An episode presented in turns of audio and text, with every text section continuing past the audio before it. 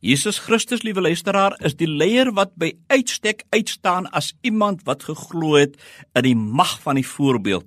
In hierdie spesifieke week van oordeenkings het die leiding van omhoog met daartoe genoop om in die besonder te fokus op die inleidende perikoop van Johannes 13 wat die voetewassing behandel.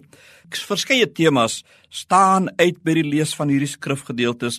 Ons lees hier die getuienis van een wat nie net bloot oorvertel wat gehoor is nie, maar inderdaad deel was van die werklikheid terwyl dit plaasvind en daarom as 'n betroubare getuie beskou kan word.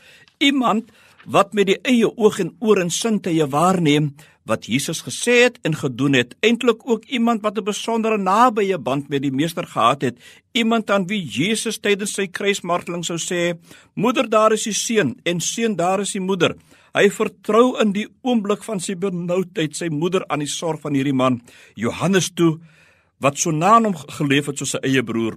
Die Christelike tradisie en oorlewering beklemtoon dan ook die besondere eienskappe van hierdie apostel wie bekend word as die apostel van die liefde die apostel van die goddelike liefde, asook die een wat die openbaring tydens sy verbanning na Patmos nadat hy aan die brand gesteek was en dit oorleef het, en soos Jesaja goddelike wesens aanskou het en soos Daniël van die Ou Testament 'n hemelse ontplooiing van die eindtyd beleef in die gedagtes en openbaring wat hy sien en waaroor hy moes skryf in die boek Openbaring wat dan op sy beurt gaan oor die apokaliptiek, oor die eindtyd. Hier praat hy met ons oor Jesus wat van die tafel opstaan en die voete van sy volgelinge een vir een om die beurt was. Die meester was die voete van sy volgelinge. Dit is iets baie spesiaals dat ons God hier aan in die gestalte van 'n dienskneg, 'n doulos, 'n slaaf. Hy, God, doen slawewerk. Hy doen wat moes gebeur het by die aantree in die ondervertrekke nog voordat hulle in die bovertrek stelling ingeneem het. Hy was die voete iets wat die die gasheer volgens die die Midde-Oosterse gebruik moes gereël het dat een van sy slawe hierdie gaste se voete moes moes was by die betreding van sy eiendom. Die eenaardige van hierdie spesifieke gebeure is dat Jesus bewus is van wat aan die tafel gebeur is. Jesus weet presies wat die disippels mee besig was in gedagte en woord rond rondom die tafel. Ek probeer dit gou skets.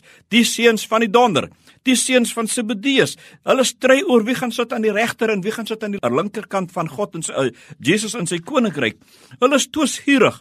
Johannes sou binnekort tydens die arrestasie van Jesus nakend wegvlug van die toneel en die impulsiewe Petrus wat 'n dolkdraer was, het mes gedra, sit ook daar en redeneer met die Here oor hoe hy gewas wil word. Judas, geheimsinnig, nadenkend oor sy verraad, sou na die maaltyd sy taak voltooi en die meester met 'n kus, met 'n soen uitsonder en hom verraai.